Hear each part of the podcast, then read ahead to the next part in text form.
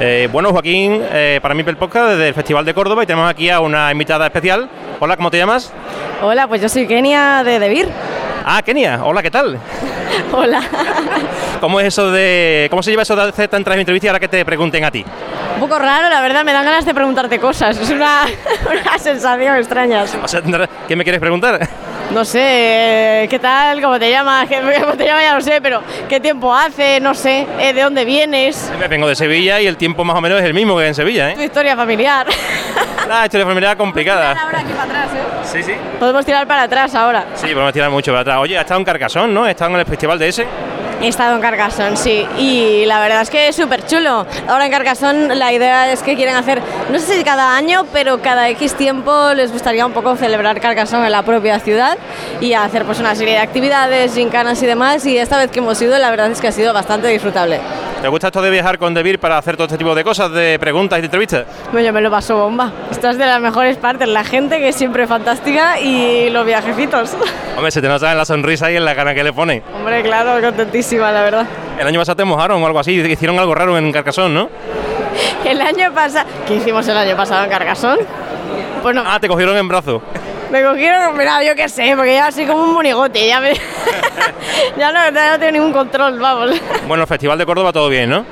Todo fantástico, un montón de gente, la temperatura bien, que dices Córdoba, puede dar un poco de miedo, por lo menos a la gente del norte, ¿no? Como, pero súper bien. Eh, tiempo fantástico, hay un montón de gente majísima por aquí y además está lleno de mesas, es muy fácil jugar y echar un buen rato.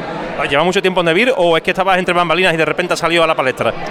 Llevo... ah, ¿Cuánto llevo? Llevo... No hago dos años todavía, ¿eh? Voy a hacer dos años...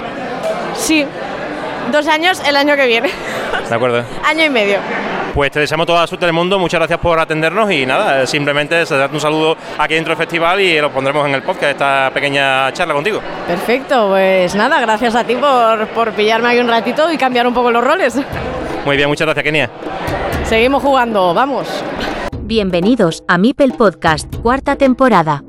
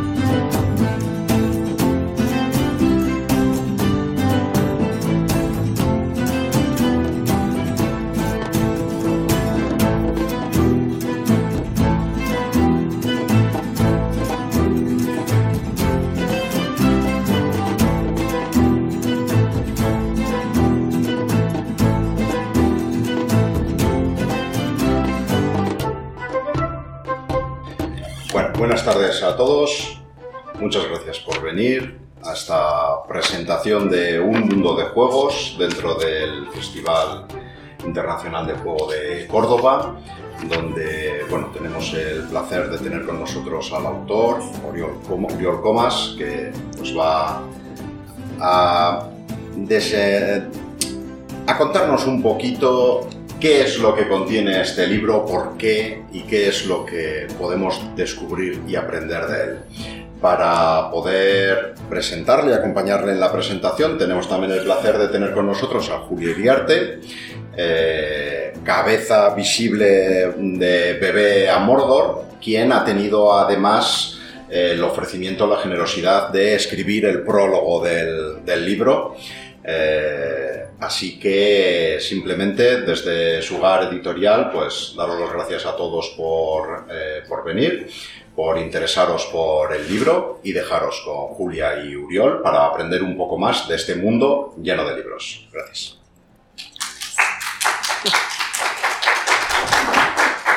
Muchas gracias. Eh, bueno, por supuesto, el honor absoluto eh, fue mío cuando, cuando me propusieron esta, escribir este prefacio. Le dije literalmente a Felipe, esto es una oferta que no se puede rechazar. Eh, un auténtico honor. Sin cabeza de caballo en la cama. Sí, lo reconozco, no había ninguna cabeza de caballo, en este, caso no, había, no hacía falta. Eh, para, presentar a Oriol Comas, eh, me he puesto a buscar información en internet como si yo no supiera ya quién es, evidentemente, pero vamos a... Algunas cosas a veces se olvidan. Cuando has hecho tantas cosas, dices, madre mía, este señor que tengo aquí, Oriol Comas y Coma, es considerado uno de los grandes expertos y divulgadores europeos sobre el mundo y la historia de los juegos de mesa. Importante aquí, es autor de más de 50 juegos de mesa, más de 50, que se dice pronto. Realizó la adaptación al catalán del Scrabble y de su diccionario oficial con el lingüista Lluís de Izaguirre. Entre sus creaciones lúdicas destacan Verbalia y Enigmarius con Mario Serra, Gaudí y Ágora Barcelona con Jeff Ferret, el Joc del Mont, Dragons y Dictus. Es autor también del juego concurso online ¿Qué Geishas? ¿Está bien pronunciado? Regular. ¿Qué Geishas? Sí, esto, es, esto es el curso avanzado. ¿Qué, qué leyes? Geishas. Bien. Venga, bien. eh, con Ferret y Carlota Torrents, por encargo de la ILC. Fue responsable del ámbito del juego en el Foro Universal de las Culturas y ha sido el fundador y director de la feria Jugar por Jugar. Está mejor. Jugar, jugar por Jugar. Sí. Y el Gran Festival DAO Barcelona, que de ahí seguro que 100% de todas las personas lo, conocen, desde su creación en 2012. Ha publicado, este no es su primer libro, eh, ha publicado los libros El Mon en Jocs y 15 juegos que cambiaron el mundo. Y actualmente este Un Mundo de Juegos, pues es su último libro. Pero vendrán más cosas muy prontito, además, me parece. Y este dato me parece muy importante también, porque parece, es mm, mágico. Uriol Comas en los últimos años se ha convertido en un personaje real de ficción en la serie de novelas Ludocriminales de Mario Serra. Primera pregunta, ¿qué se siente al convertirse en un personaje real de ficción? Ma Mario Serra es un, un, escritor catalán que no se ha traducido al castellano, se ha traducido al, al italiano, al, polo, al, polaco y al coreano, pero yo creo que tiene alguna traducción al castellano, pero no esta serie. Un día me propuso, con un gin tonic, me dijo, uh, tengo una idea para ti, yo te la digo, tú no digas nada y lo hablamos dentro de un tiempo. Y la idea era que quería escribir una novela en que yo fuera protagonista.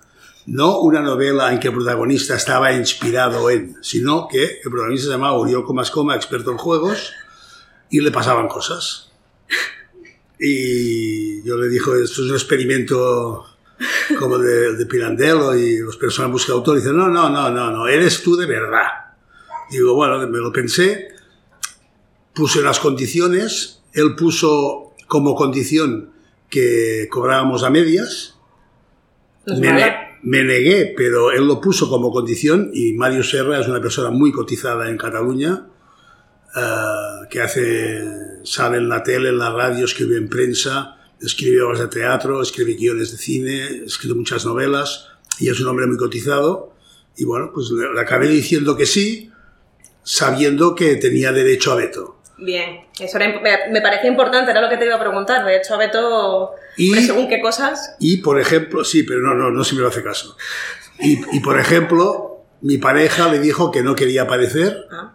con lo cual yo salgo en las novelas, que soy, soy yo, pero. ¿Y dónde está ella? No, ella no existe. No, no hay ninguna, ningún tipo de referencia. Solo sale una sobrina mía, que se llama Sol, que no existe, Marius no conoce a mi familia, pero cuando una sobrina mía que se llama Marta, que sí que existe, mi sobrina Marta, un día me llamó y me dijo, dile a Marius, estoy muy enfadada, porque si esa Sol soy yo, ¿por qué no se llama como yo? Claro. Y le dije, lo siento, nena, pero es que tú no, Marius no sabe que existas. Pero si soy, yo lo he leído, soy yo. Dije, no, que no eres tú. En fin.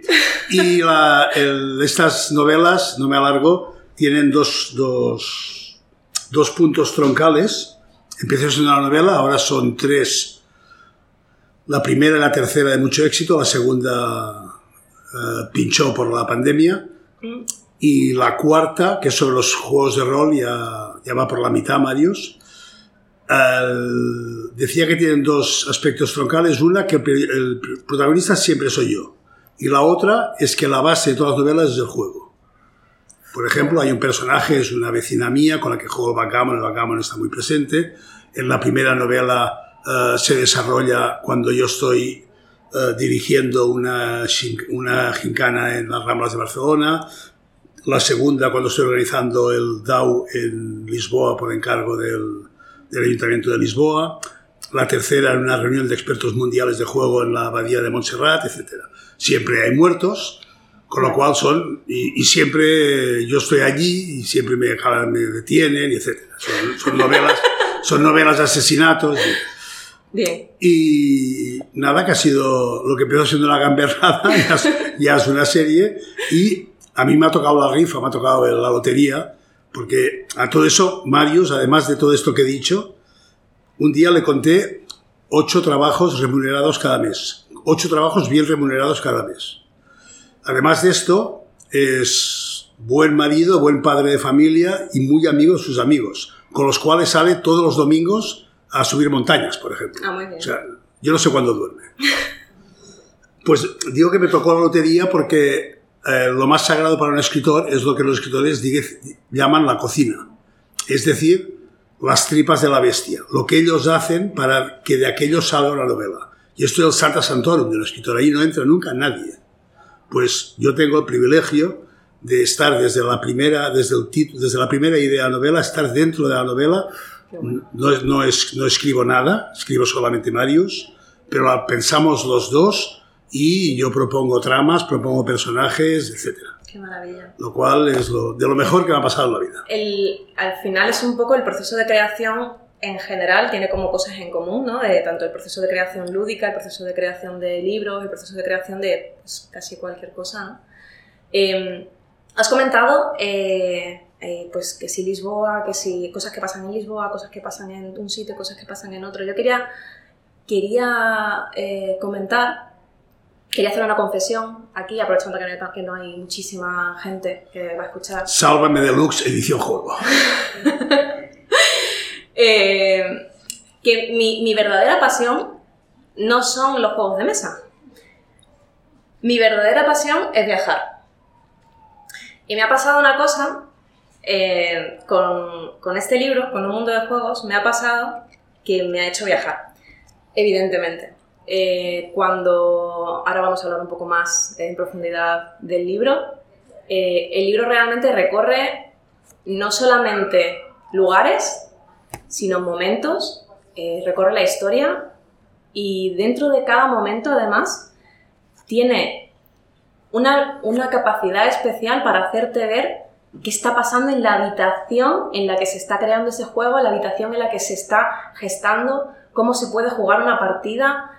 Mm, Y esto a mí me ha, me ha encantado. Eh, no, no, no sé si voy a ser capaz de expresar cuánto me ha gustado este libro, porque de verdad es una maravilla, es una joya. Y va a hacer historia además esto. Eh, hay, que, hay que destacar además eh, una, una cosa muy importante, me parece que además estamos en el sitio adecuado. Eh, este es el Palacio de la Merced. En el Palacio de la Merced me he informado, porque yo de Córdoba no soy, pero en el Palacio de la Merced se hacen muchísimas exposiciones eh, a nivel cultural. Mm, Todo el rato, me comentaba, se hacen muchísimo. Y me parece muy bonito que el Festival Internacional de Córdoba se haga aquí.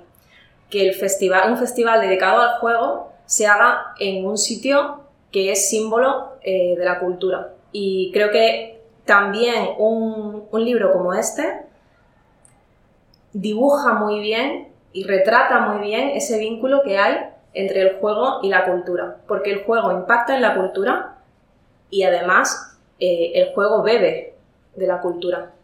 Entonces, eh, por eso digo que no puedo más que recomendar la lectura de este libro, que además se puede leer de distintas maneras y tú en el libro esto lo, lo comentas. Eh, porque, ¿cómo, ¿cómo está organizado este libro? ¿Qué juegos hay aquí en un mundo de juegos? Bueno, hay cincuenta y tantos juegos, son juegos, cada, cada vez que hablo con alguien del libro, dice, ¿por qué no has puesto este juego? ¿O por qué has, has puesto este otro juego que no tiene ningún interés? Es, es, es la, la selección que he hecho yo de los juegos desde el primer juego conocido, el que se conoce como juego real de UR, desde el primer juego hasta el, hasta el Monopoly. Que no llega hasta el Monopoly, llega hasta el Risk y el Uno, pero bueno, pequeñas trampas que uno, que uno, uno se permite. Pero cuéntanos, ¿por qué hasta el Monopoly? ¿Por qué Bueno, esa elección? Hasta el Monopoly, porque este libro pone en la, en la portadilla, pone volumen 1. Ah, Y el volumen 2 eh, ya está escrito. Este libro apareció primero en francés y el editor francés consideró que era mejor que explicarte esta historia en dos volúmenes. Uno, toda la tradición de juegos hasta hace poco y otro libro sobre los juegos de ahora mismo. Como yo participo, participo de esta idea de que la explosión de juegos desde Catán o desde Illuminati o desde Cosmic o desde Sid Saxon o desde Diplomacy, todo ha cambiado, o desde Dungeons, todo ha cambiado, me pareció muy, muy, bien, muy bien la idea. Además, este libro tiene 160 páginas, el otro tiene 210, creo, 200, sí, algo así. Con lo cual habría salido un volumen, este, este libro pesa un kilo, el otro había pesado dos y medio, con lo cual había muchas razones para que fueran dos volúmenes. El segundo volumen ya está escrito, ya está escrito en francés, está ahora mismo está en proceso de revisión en la, editorial. Y ah, voy a romper una lanza por el, editor que ha querido editar este libro, la, editorial Sugar, que es una pequeña editorial aún, pero muy valiente, como se puede ver, y que eh, yo creo que editará el segundo libro, especialmente si el primero va bien, o sea que ya sabéis. eso es, a darle, a darle ¿Y vida. por qué hasta el Monopoly y no por qué hasta Catán o hasta Dungeons o hasta hasta? Porque tenía que poner un límite y me pareció que para el lector profano, si decía hasta el Monopoly, se entendía perfectamente. Y para mí, partir la historia del juego de mesa desde hace 4.500 años hasta el Monopoly y los juegos de ahora, ¿qué más da 20 o 30 años?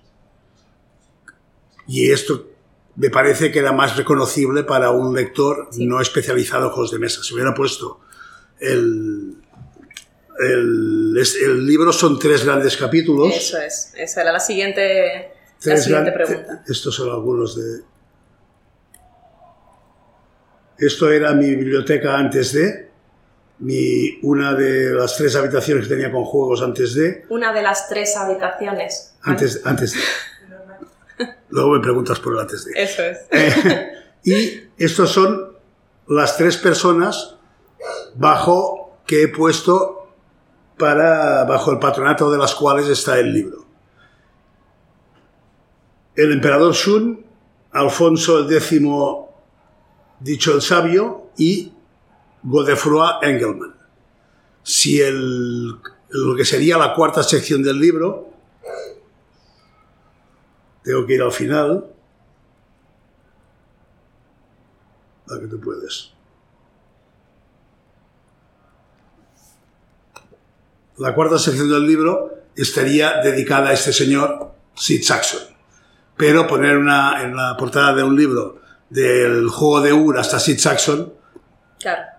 Es anticomercial o hasta Cosmic Encounter es anticomercial. Por lo tanto, hasta Monopoly. Aunque, repito, hay, antes de que alguien diga, oye, que, este- que, que el Risk es de 40 años después de... 20 años después de, después de Monopoly, sí. El Pero- risk está dentro. del- pero el Risk forma parte de los, digamos, los juegos antiguos.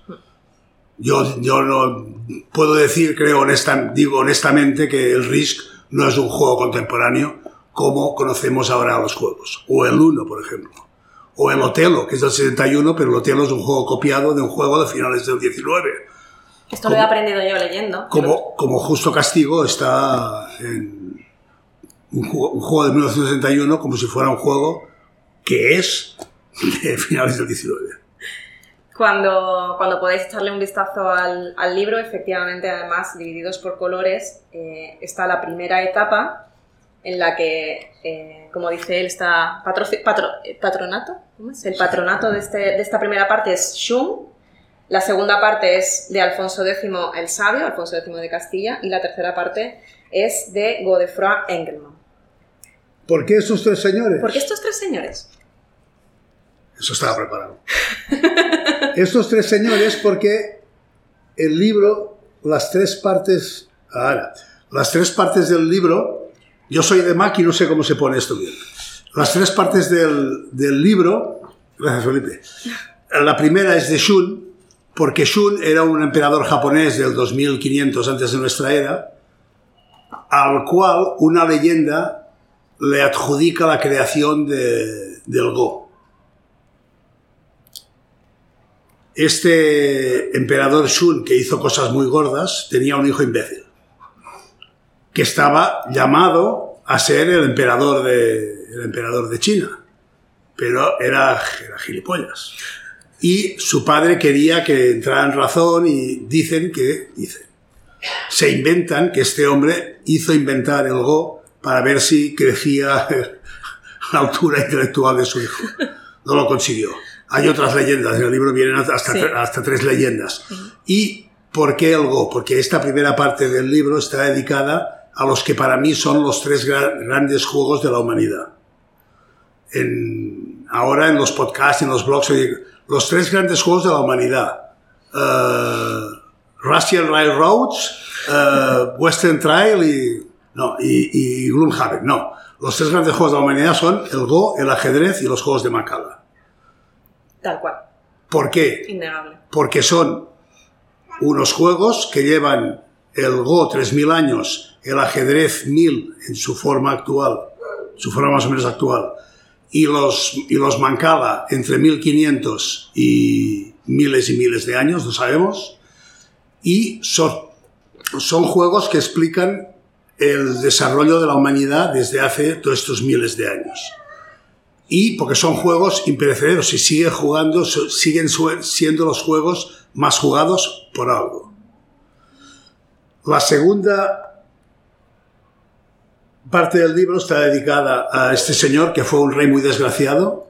No, porque, no lo digo porque yo sea republicano, que también, sino porque, porque tuvo una vida muy desgraciada. Le crecieron los enanos continuamente. Los nobles, los reyes vecinos, o sea, mu- murió asqueado el pobre. Pero era un rey sabio.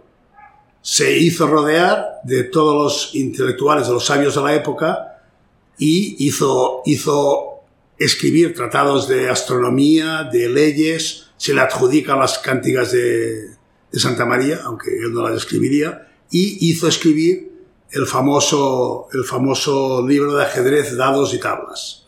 O sea, la primera enciclopedia de juegos de mesa en 1283. Pues a este hombre le dedico. Esto que os digo es, va, es, es- es importante porque en el libro esto, no aparece. Es verdad. Le iba, le iba a decir, ¿eh? Solamente aparecen, por eso lo explico tanto, solamente aparecen en el, en el índice. Sí, sí. Bajo Alfonso X llamado el sabio están todos los juegos hasta la primera mitad del siglo XIX. Es decir, prácticamente todos los juegos hasta la modernidad, digamos. ¿Qué es lo que cambia entonces? Cambia que este señor, Godefroy Engelmann, un litógrafo franco, franco-alemán, que también tuvo una vida un poco desgraciada porque murió muy joven, es el hombre que ha pasado a la historia por crear, por lo menos por patentar la cromolitografía. Hasta este señor, las barajas de naipes que estaban, estaban impresas con, con Boch, con, con esos, esos, esos, digamos, no sé cómo llamarlo, esos, estas piezas de madera para, para mojar, mojar Eso en es, tinta e sí. imprimir, con madera de. Ujú. Se pronuncia Boch en castellano, ¿no? No lo sé. Sí, se pronuncia así, ¿no? Es que debe ser una de las dos o tres palabras que existen en castellano y acaban en J. Con carcaj y... Bueno, y este señor, lo he puesto aquí porque creo que este señor un poco es el paradigma de la democratización de los juegos. Esto vendrá después, vendrá con el siglo XX, con la sociedad del bienestar, con el, la creación de la clase media, del espacio común para las familias, los pisos eh, con suficientes metros cuadrados, etc. Pero es a partir de este señor que uno puede tener una oca impresa en colores y las barajas impresas en colores, por lo tanto, poca broma. Y repito, esto llega hasta, hasta el Monopoly y algunos juegos alrededor de Monopoly. Al final, es verdad que muchos de los juegos que además eh, hay aquí, que es una preciosidad, por cierto, eh, ver todos estos juegos de madera con piezas.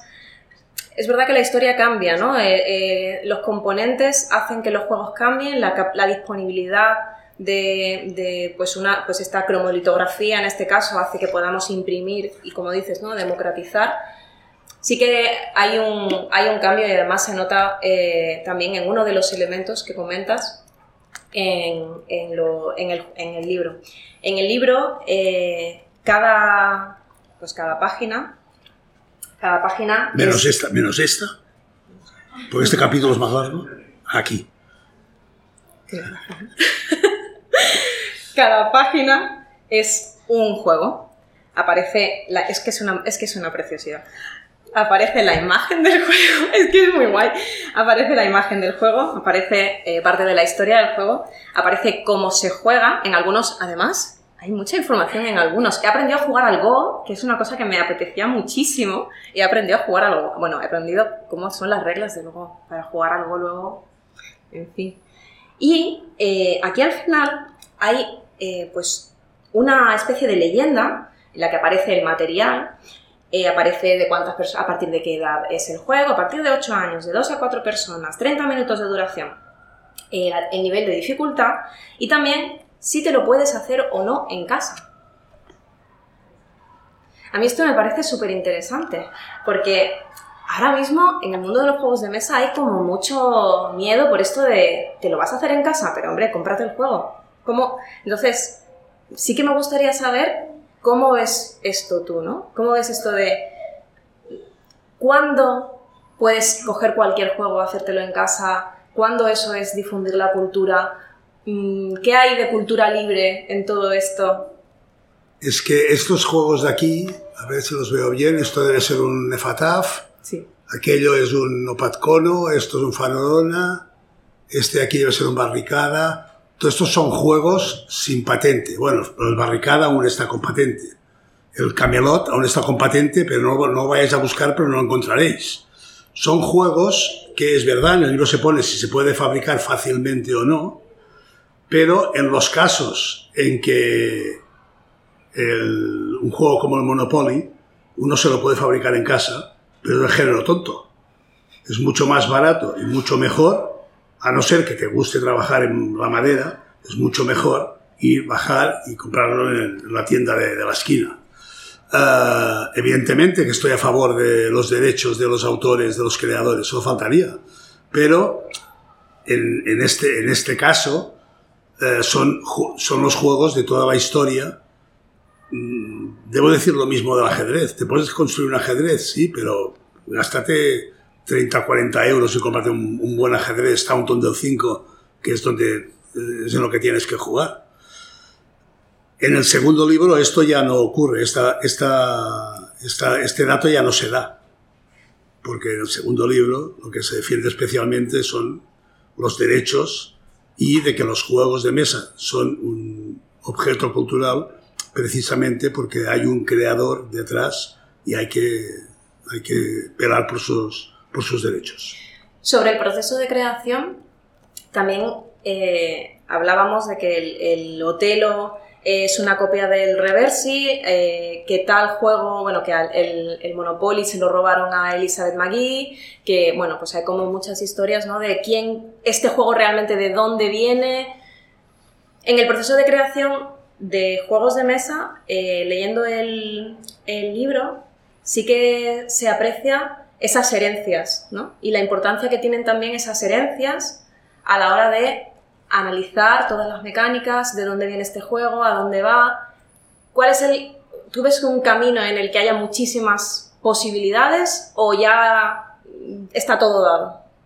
No, que va. Esta mañana he jugado con, con Roberto Fraga un juego que no está publicado aquí, que me ha parecido, se lo he dicho, una mezcla de estratego, del Fantasmas de Randolph y de, y de qué otro juego me ha parecido que, que, que- podía... y, es un juego lingüístico, como el Scrabble.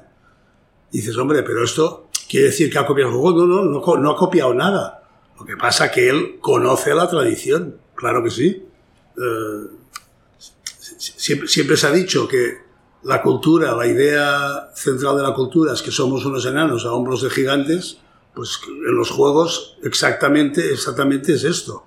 Pero es verdad que los juegos hasta el Monopoly, los juegos en general, el 90 y tanto por ciento eran de un tipo determinado, lo que se llama juegos de enfrentamiento, con variantes, ¿eh? con los juegos de mancada son distintos, los juegos de alineación, eh, alineación son distintos, pero son juegos para dos personas, eh, evidentemente eh, rigurosamente abstractos, y en los que en los, la variación que había era el tipo de captura.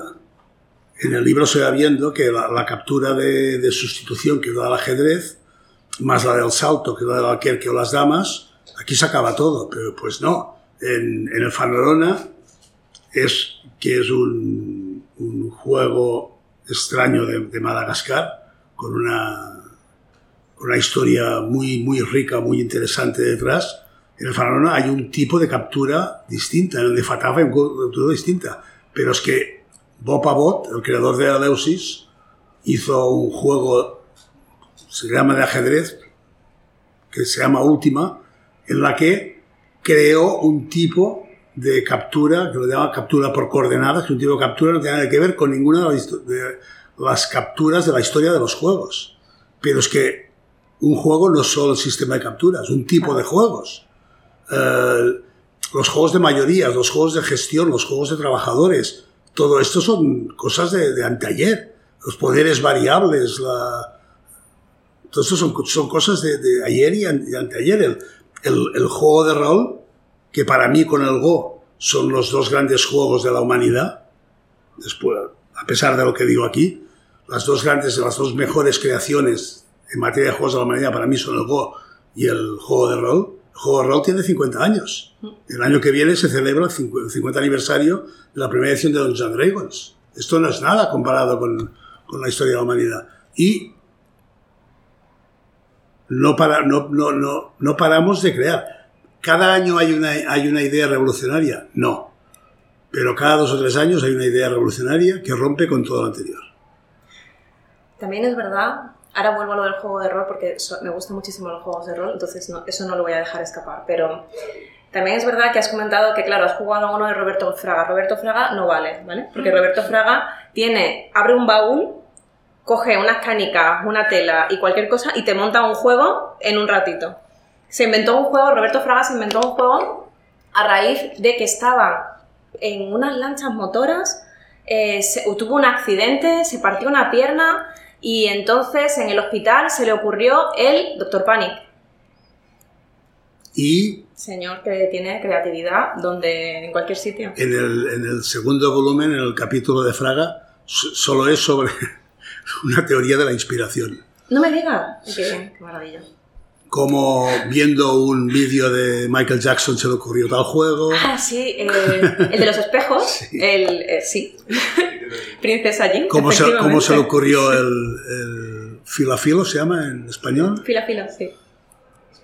Es que lo dicho, el caso de Roberto Fraga como, como autor es, es que es la creatividad hecha persona y, y es eso, es traer muchísimas ideas nuevas. Es, ver- es verdad que Roberto es especial, pero Klaus Teuber es especial, Feduti es especial, Feld es especial, Konieska es especial. O sea, no solamente es, es Roberto Fraga. ¿Cuántos autores hemos dicho que hay y autoras en el, en el Segundo libro, ¿El segundo libro? con capítulo propio 70. 70? Pocos son. Hay poco, hay, son pocos. Te pones a pensar y dices, 70, a ver cómo haces esa selección. Ya, ya llegará, ya, ya, la- ya la veremos. Ya la veremos. Has hablado de los juegos de rol y necesito más información. Eh, soy muy, muy rolera, tengo una mochila de Dungeons and Dragons ahí que lo atestigua. Eh, Pues sí. eh, los juegos de rol, en los juegos de rol no gana nadie. ¿Cómo es eso que un juego no gana nadie? No ganas ni pierdes y puedes incluso dejar partida tras partida un, un mes después del otro. ¿Qué, qué es un juego entonces? Hay muchas, muchas disputas sobre qué es un juego. El libro lo encomiendo a tres, a tres autores. Bueno, cito a tres autores. Uno es Philip Delerme, un escritor que hizo un libro que se llamaría El primer sorbo de cerveza, se llama en castellano, y otras, y otras delicadezas otras cosas extraordinarias. Y de este autor saqué esta frase. Está bien la vida incondicional como en los viejos tiempos, en los juegos infantiles. Tú serás una vida inventada que contradice certezas. Hay otra cita del escritor Alberto Sánchez Piñol, que escribe literatura fantástica y también escribió la novela Victus, que es una frase que la encuentro extraordinaria. Jugábamos solo eso, pero jugábamos. Es una novela en que después de esta frase empiezan, empieza una persecución y un asesinato. ¿Por qué? Porque no están jugando. Y sobre todo hay una frase que se la llama la, para- la paradoja de, de Rainer Knizia, que es cuando juegas a un juego, la meta es ganar, pero lo que es importante es la meta, no la victoria. Lo importante de un juego es el juego. Lo importante de un juego son las personas. Que esto es lo que hace que para mí el juego de mesa sea infinitamente superior al videojuego. Porque un juego, un juego son las personas y cuando deciden jugar. Ah, los juegos colaborativos son esto llevado, llevado al, al mejor, al mejor extremo. Si lo importante de jugar no es ganar, ¿por qué no vamos a jugar ganando todos juntos? Que es la base del, del juego de rol. En el juego de rol eh, se vive una historia, un juego, de rol, lo conocéis todos mucho mejor que yo, es una obra de teatro en la que solo el director sabe qué pasa en la obra y los actores solo conocen su personaje. Y entre todos van escribiendo la nueva obra que será la que tenía escrito el director o no. ¿O no? O no. Y con los nuevos juegos narrativos todo esto ya ha explotado. Sí, totalmente. totalmente. La verdad es que eh, sí que ha cambiado mucho, fíjate, pensando precisamente en eso, ¿no? En la evolución desde, pues desde los, los juegos de Mancala o, o- o un- o el Go, ¿no? Tableros, hasta ahora el juego, que el juego de rol realmente puede ser sin nada prácticamente. Una hoja de papel o no y hablar. O sea, el juego entonces está, como bien dices, ¿no? En, en las personas. Sí, pero es que el, el- yo aprendí a jugar a, a la ULE, que es el, el juego, el juego de Mancala que conocemos más en Occidente. ¿Sabéis? Los juegos de Mancala son un tipo de, un tipo de juegos. Son un tipo de juegos que se caracterizan porque las piezas, las fichas de juego pertenecen a los dos jugadores. Esto es insólito. Esto hasta, hasta el Scrabble, esto no vuelve a pasar en la historia, historia de los juegos.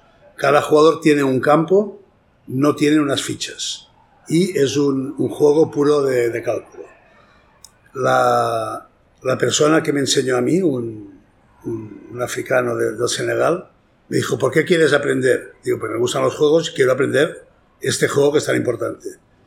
Tú quieres aprender para ganar. Dije, bueno, si gano mejor. Dice, ¿lo ves? Tú lo quieres es ganar, no aprender a jugar.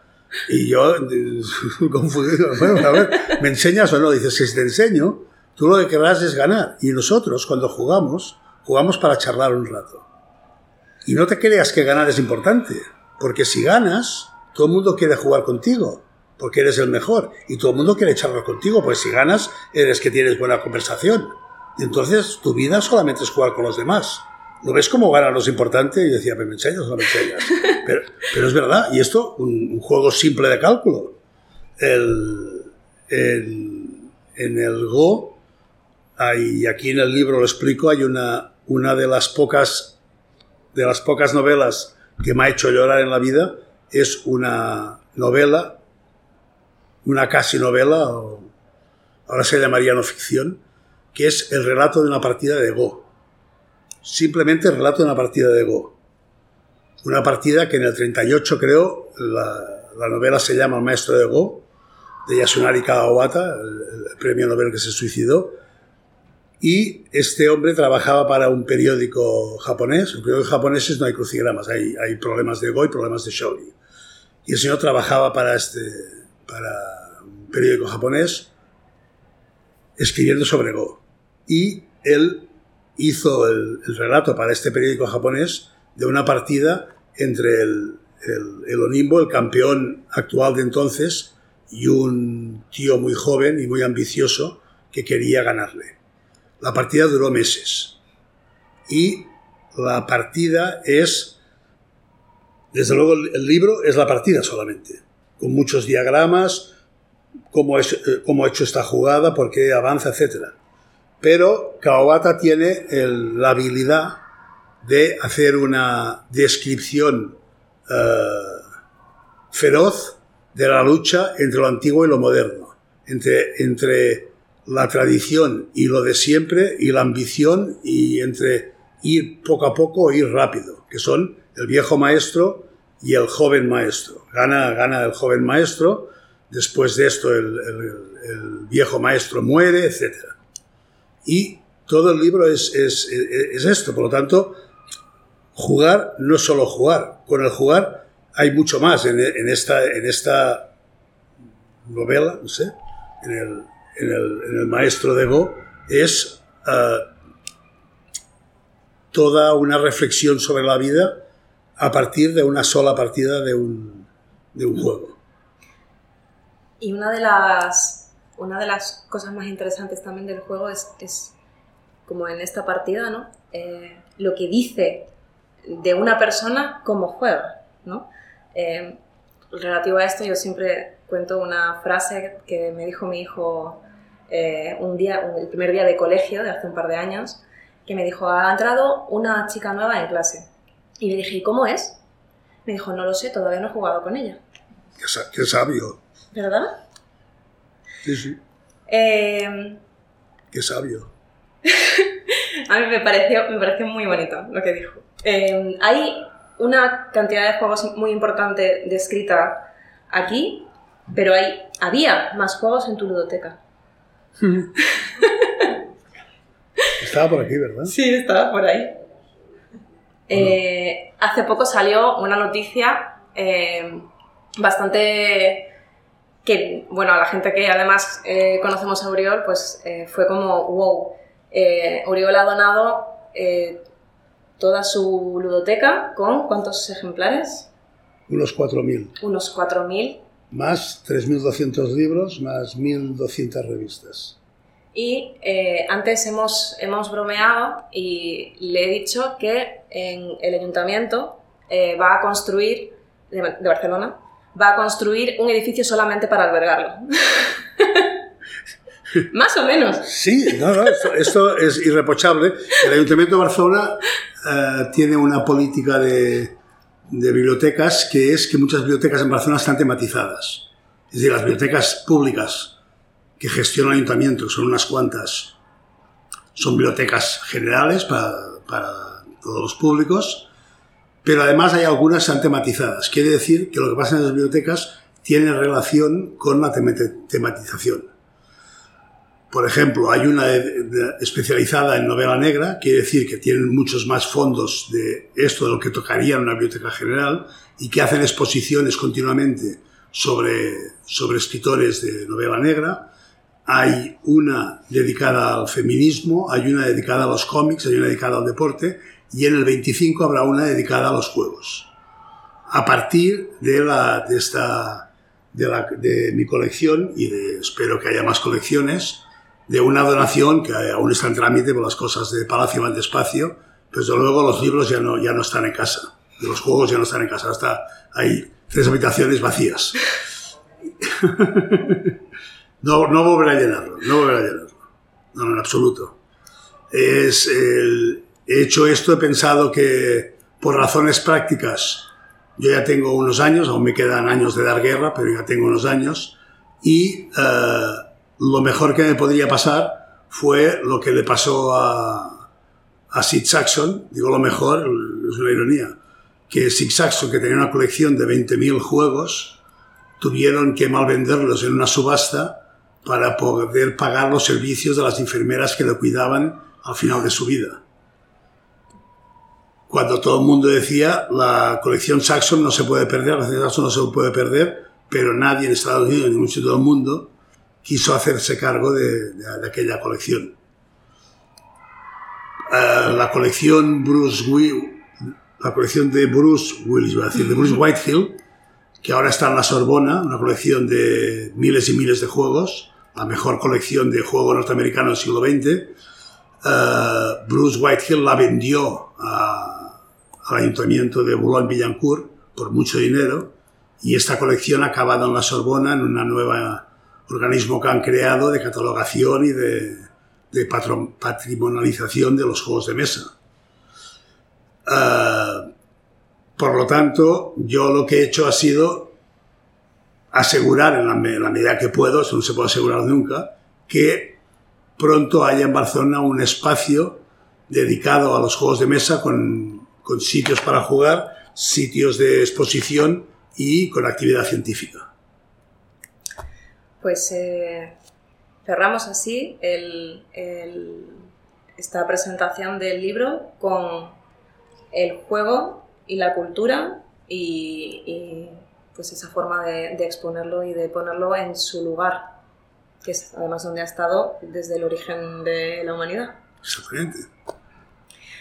Pues Uriol Comas, eh, ¿quieres comentar algo más o dejamos a estas gentes que pregunten algo antes de que se nos... Sí, sí, que pregunten, que pregunten. Pues Santi, Santi, Esteban. Yo, yo siempre acabo las, las, charlas diciendo y jueguen, jueguen más a menudo, que jugar nos hace más felices y nos hace vivir más y yo soy el ejemplo, pero aquí mejor que no lo diga.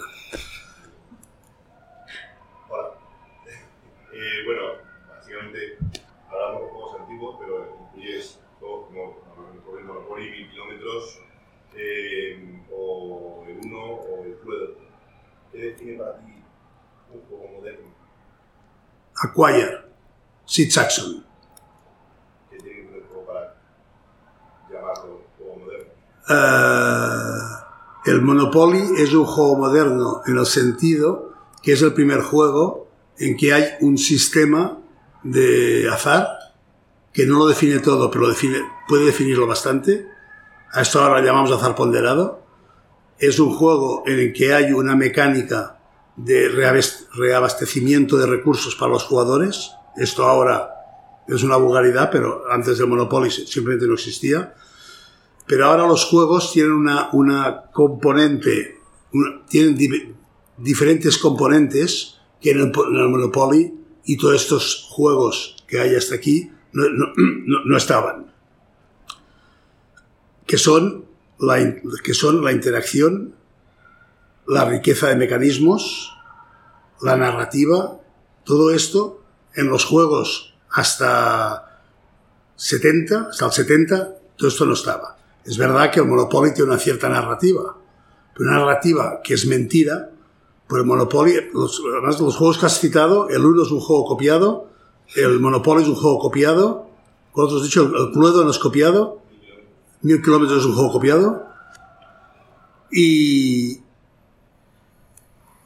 y, los juegos de ahora tienen una riqueza que hasta, hasta Cosmic Encounter, hasta Illuminati, hasta estos juegos, todo, todo esto no, no, eran, los juegos eran una, una cosa muy cerrada en ella, en ella misma. De hecho, hasta estos años, hasta Dungeons, hasta Catán, si queremos alargarlo más, un poco más, eh, los, juegos, de mesa sufrieron un declive. ¿Por qué? Porque los juegos de mesa eran antiguos. En el caso del Cluedo, una partida del Cluedo y otra partida del Cluedo son idénticas, prácticamente, aunque pasen cosas. Aunque, aunque haya lo que llamamos variabilidad, mm, esté de alguna manera asegurada, pero no es verdad, siempre es lo mismo. Si comparamos el Cluedo con el Mysterium, el, el Mysterium es la versión moderna del Cluedo, con el Dixie por en medio, ¿vale? Pero es la versión moderna del, del, del Cluedo. El, todos estos juegos, el Risk, el Risk ahora no pasaría ningún examen. Si a ti te viene alguien ahora sin existir el Risk y te propone editar el Risk, dices, vale, chaval, sigue estudiando. Y yo soy de la generación que crecimos jugando al Risk en la universidad en vez de ir a clase. Que el Risk tiene muchas cosas. Sí, sí, el Risk tiene muchas cosas. Además tiene una historia mm, preciosa de, de, de quién fue su autor. Pero el Risk es un juego que se acaba en el mismo. Tiras dados y solamente lo que pasa en los dados, hay algo más, ¿eh? hay, hay, un cierto dominio territorial, pero todos siempre es un cierto. Lo que he dicho que lo que lo, lo, cambia todo es, es Acquire, es Acquire, es Twixt, es Eleusis y después es los, los juegos maravillosos de, los 70. Cosmic, eh, un, juego, un como Cosmic, hasta Cosmic es impensable. Un juego como Cosmic en, los años 20 del siglo pasado es impensable. Como es, impensable Illuminati o como es impensable Civilization. Esto para mí lo que el, corte que he hecho, aunque, aunque Diplomacy es muy anterior a, al 1 o... Bueno, es, es, de, es cuando el Risk. Quizás da tiempo a alguna pregunta más. Yo quería darte las gracias al público por estar aquí de nuevo y recordaros que no me acordéis que hace 18 años estuviste aquí presentando la primera edición del festival, la primera edición, ¿no? De, o, o, o, la versión primigenia de este libro. Quería preguntarte por él y cómo llegado a esto. Y, he tenido muchas diferencias con ciertos recuerdos de aquel primer libro. Ah, qué jóvenes éramos, ¿eh? He visto fotos, he visto fotos. Tú aún tenías pelo, tú aún lo tienes.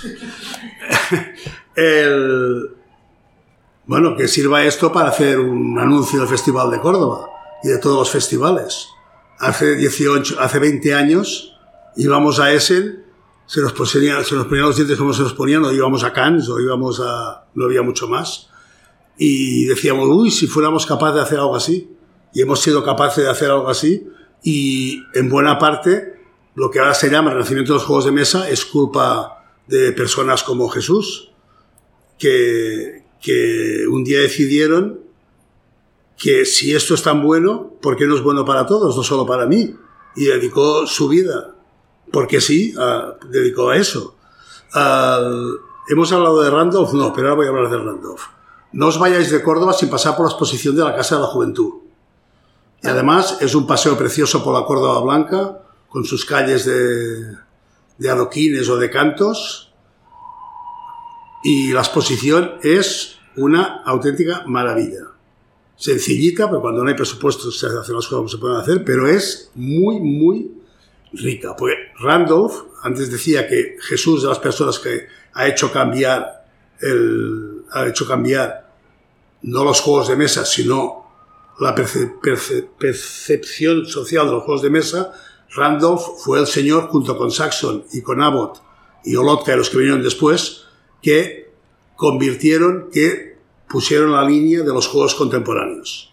Y fueron las personas que dijeron, los juegos de mesa son cultura y por lo tanto, los autores, los creadores de juegos somos las somos personas a tener en cuenta. No somos simples engranajes, simples engranajes de, de una, de una industria, de una industria cualquiera.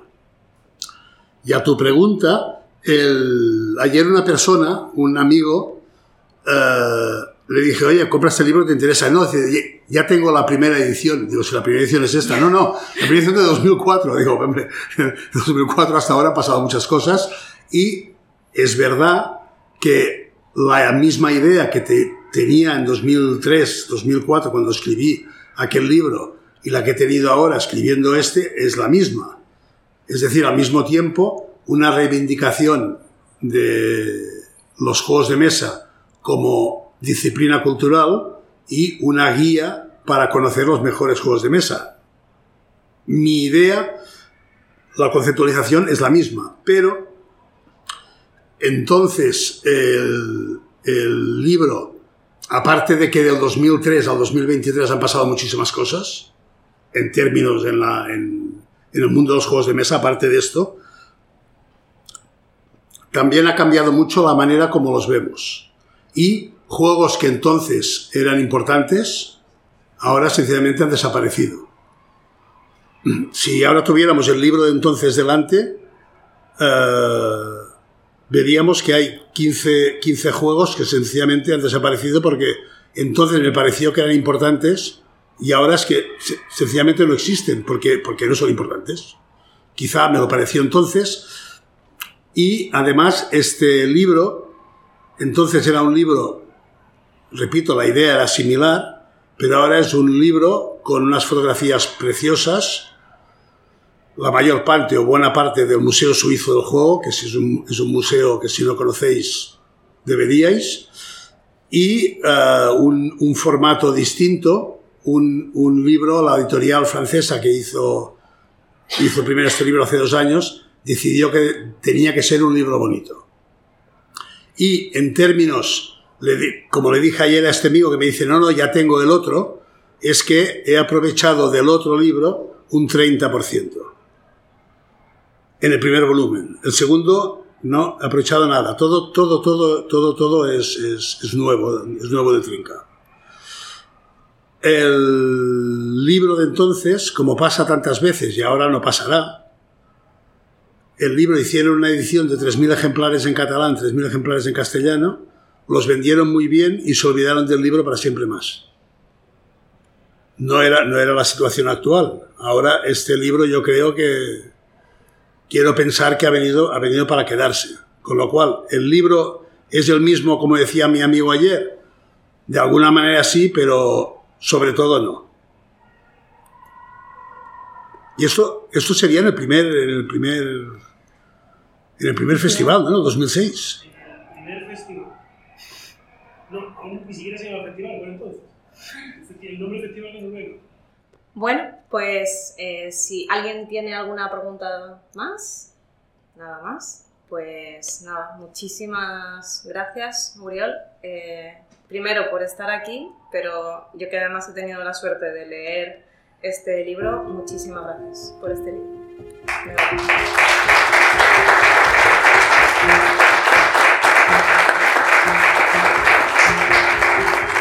Se lo dije por WhatsApp, pero ahora se lo digo aquí. Escribió prefacio precioso. Muchas gracias.